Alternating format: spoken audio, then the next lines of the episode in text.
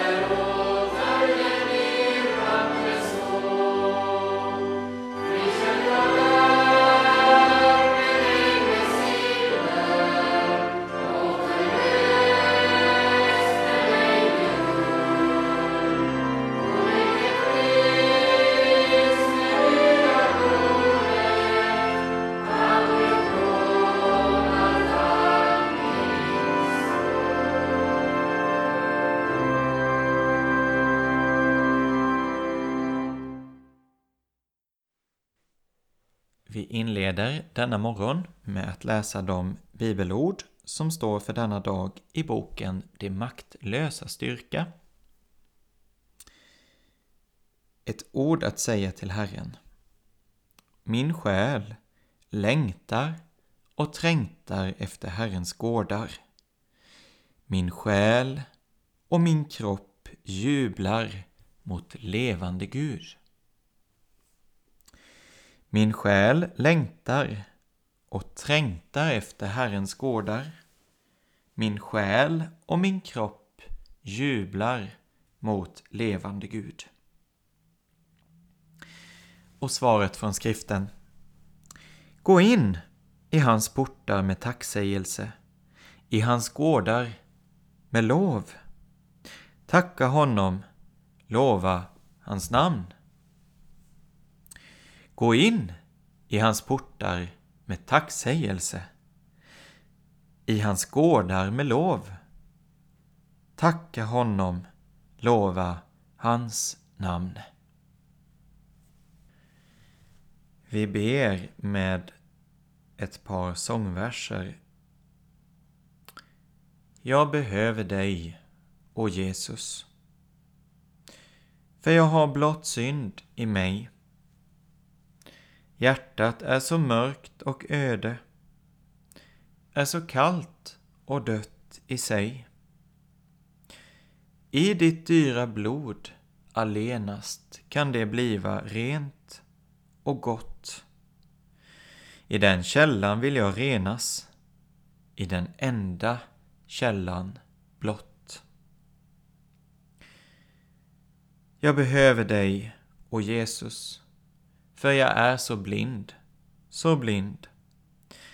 Hittar ej den rätta vägen, irrar kring likt jagad hind. Jag behöver att du leder mig i din sanningsljus. Annars hittar jag dock aldrig, aldrig till min faders hus. Amen. Ja, det är en syndares behov. Jesus själv. Jag behöver dig, Jesus. I mig är bara synd. Hjärtat är mörkt, kallt och dött i sig självt. Om inte du bor där, frälsare. Endast i ditt dyra blod kan mitt hjärta, så som det är, bli rent och gott. Ja, i den källan vill jag renas. Och jag behöver dig, Jesus, för jag är så blind.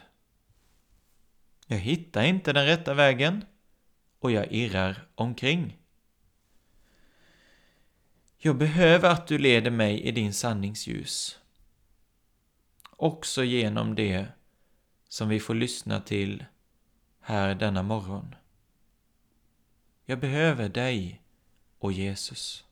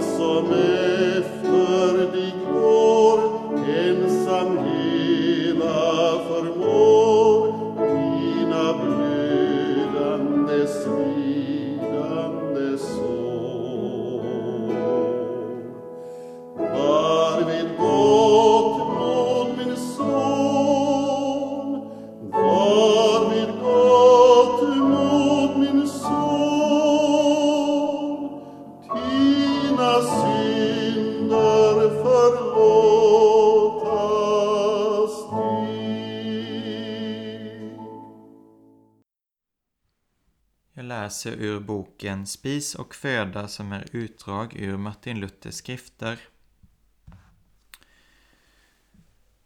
Då sjönk deras mod och darrande av skräck sa de till varandra Vad har Gud gjort mot oss? Då sjönk deras mod och darrande av skräck sa de till varandra Vad har Gud gjort mot oss. Josefs bröder har ont samvete. Därför fruktar de så gruvligt och är rädda för Guds hämnd. De fruktar att Gud ska straffa dem, men bekänner ännu inte sin synd. Det är en underlig sak. Samvetet känner Guds dom och hans svåra vrede. Och ändå blygs människan att göra bättring och bekänna synden, även om hon skulle bli liggande i evig pina och fördömelse. Detta sker för arvsyndens skull. Därför bör var och en, när han har syndat, i Herrens namn be om hjälp att bekänna det. Då ska synden också förlåtas men människan vill bara i allmänhet bekänna sig som syndare, utan att bekänna sin särskilda skuld. Det hör med till den fördärvade naturens art och egenskap. Det visar tydligt dessa bröders exempel. Josef vänder deras hjärtan och tankar hit och dit på många sätt. Men de tänker inte att denne man kunde vara Josef, då de menar att han för länge sedan är död. De känner väl att Gud har deras synd i åminnelse. Ändå är bekännelsen ännu inte ren. Josef måste ännu mer tränga in på dem för att liksom med våld frambringa det. Ännu ger de vår Herre Gud skulden och säger Vad har Gud gjort mot oss? Hur dåraktiga är vi inte som flyr från den dörr genom vilken vi skulle gå in till saligheten? Om vi var kloka och vårt samvete inte var så förstockat och ohörsamt, skulle synden hos de gudfruktiga sannerligen inte vara annat än den helige Andes bättringsrop, undervisning och verken till det goda, som aposteln Paulus säger, för dem som älskar Gud samverkar allt till det bästa, alltså även synden. Hur så? Jo, när vi faller i synd, då blir vi förödmjukade och undervisade samt varnade. Av det skulle vi lära oss att bättre vakta oss för synd och så få orsak att tacka Gud när vi bekänner våra synder och omvänder oss. Så mångfaldig frukt har synden, bara man kunde bruka den andligt. Döden och fördömelsen följer väl av lagens bruk. Men man måste också ta med det andliga bruket, det vill säga man måste känna synden, öppna hjärtat, bekänna och söka hjälp. Då ska synden bli oss nyttig. Och ju mer du blir förödmjukad, desto förr får du nåd och förlåtelse. David teg stilla en tid. Som han själv säger om sig, att han ville förtiga det. Men han säger, så länge jag teg förtvinade mina ben. Sen ville han säga, jag höll på att gå under. Plågan av ett ont samvete betvingas inte när man tiger, fördöljer eller överskyler synden. När Natan kommer till David och säger Du är den mannen, blir David förskräckt och bekänner Jag har syndat mot Herren. Då profeten hör det ordet säger han genast till honom Så har också Herren förlåtit dig din synd. Men hade David, David velat urskulda och försköna synden, överskyla den och inte anses för en syndare utan vara rättfärdig och oskyldig, så hade han inte fått förlåtelse. Här ska vi lära oss att bruka olyckan och synden oss till godo, så ska vi få erfara hur nådig och vänlig Herren är. Amen. Du tröttade själ, Herren Jesus vill bära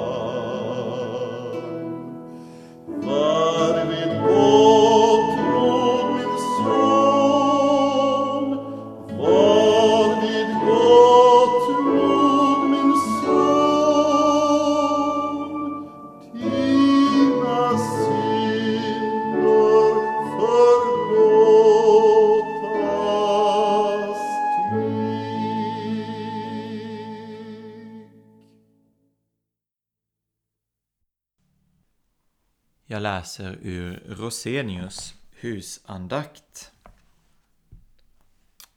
ett ord från Romarbrevet. Han som utlämnades för våra synders skull och uppväcktes för vår rättfärdiggörelses skull. Romarbrevet 4. Luther kallar detta bibelord han som utlämnades för våra synders skull och uppväcktes för vår rättfärdiggörelses skull. Det är en bukett som sammanfattar hela den kristna tron. En bukett som sammanfattar hela den kristna tron. Aposteln har i den helige Ande med djup eftertanke författat detta bibelord. Vi bör också noga studera detta ord. Det innehåller en kort sammanfattning av de stora grundtankarna i Kristi försoning. Och lägg märke till uppdelningen. Aposteln säger att Kristus utlämnades för våra synders skull och uppväcktes för vår rättfärdiggörelses skull. När han sätter utlämnades och uppväcktes emot varandra förstår vi att han med utlämnades menar utlämnades i döden. Vi vet att skriften överallt framställer Kristi död som grunden för vår rättfärdiggörelse och att försoningsverket därmed verkligen är fullbordat. Detta förtydligade Kristus med sitt utrop på korset. Det är fullbordat. Därför är det viktigt att försöka förstå vad aposteln menar då han säger att Kristus utlämnades för våra synders skull och uppväcktes för vår rättfärdiggörelses skull. Meningen är denna. I sin död var Kristus en syndabärare, belastad med hela världens synd, för vilken han fick betala med sitt liv. I sin uppståndelse blev han som vår borgesman förklarad rättfärdig. Han förde med sig och överlämnade åt världen den vunna rättfärdigheten, livet och odödligheten.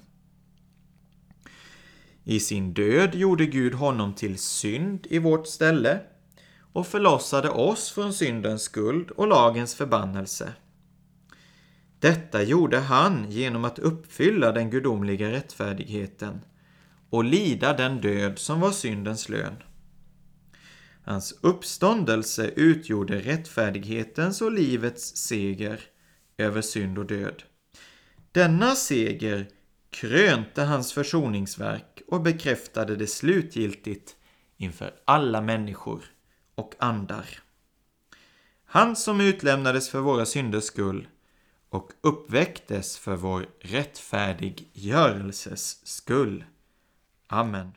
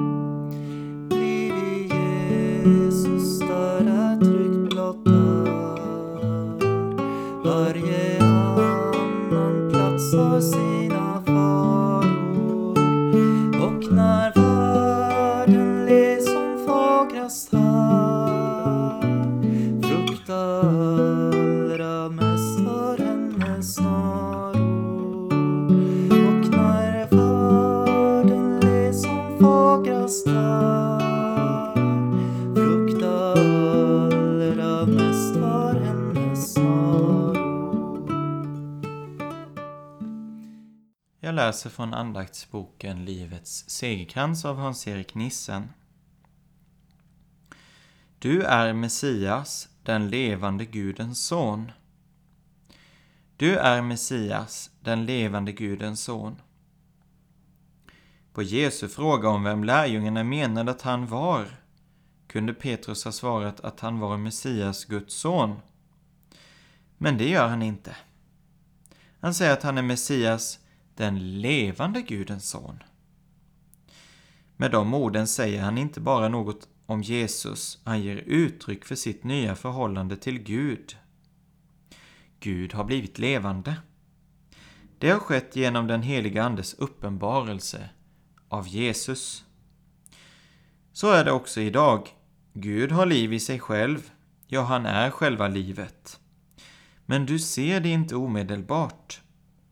Anden måste uppenbara den levande guden för dig. Det sker genom Jesus. Det är i honom som Fadern kommer till dig.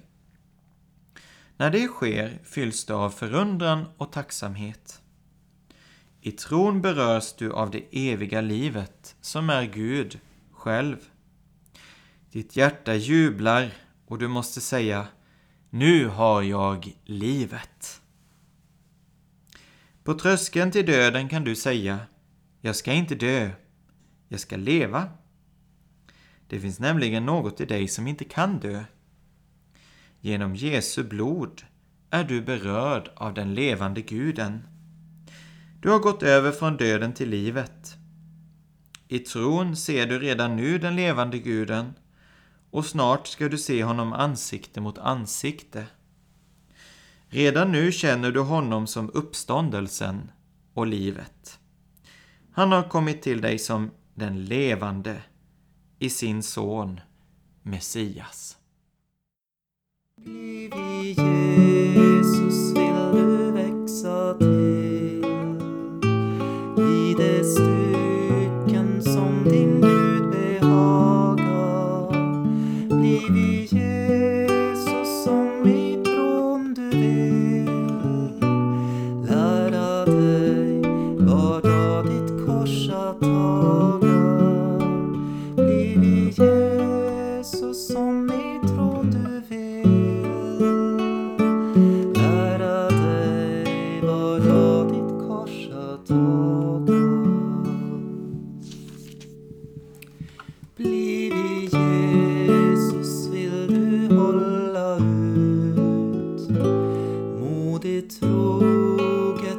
again.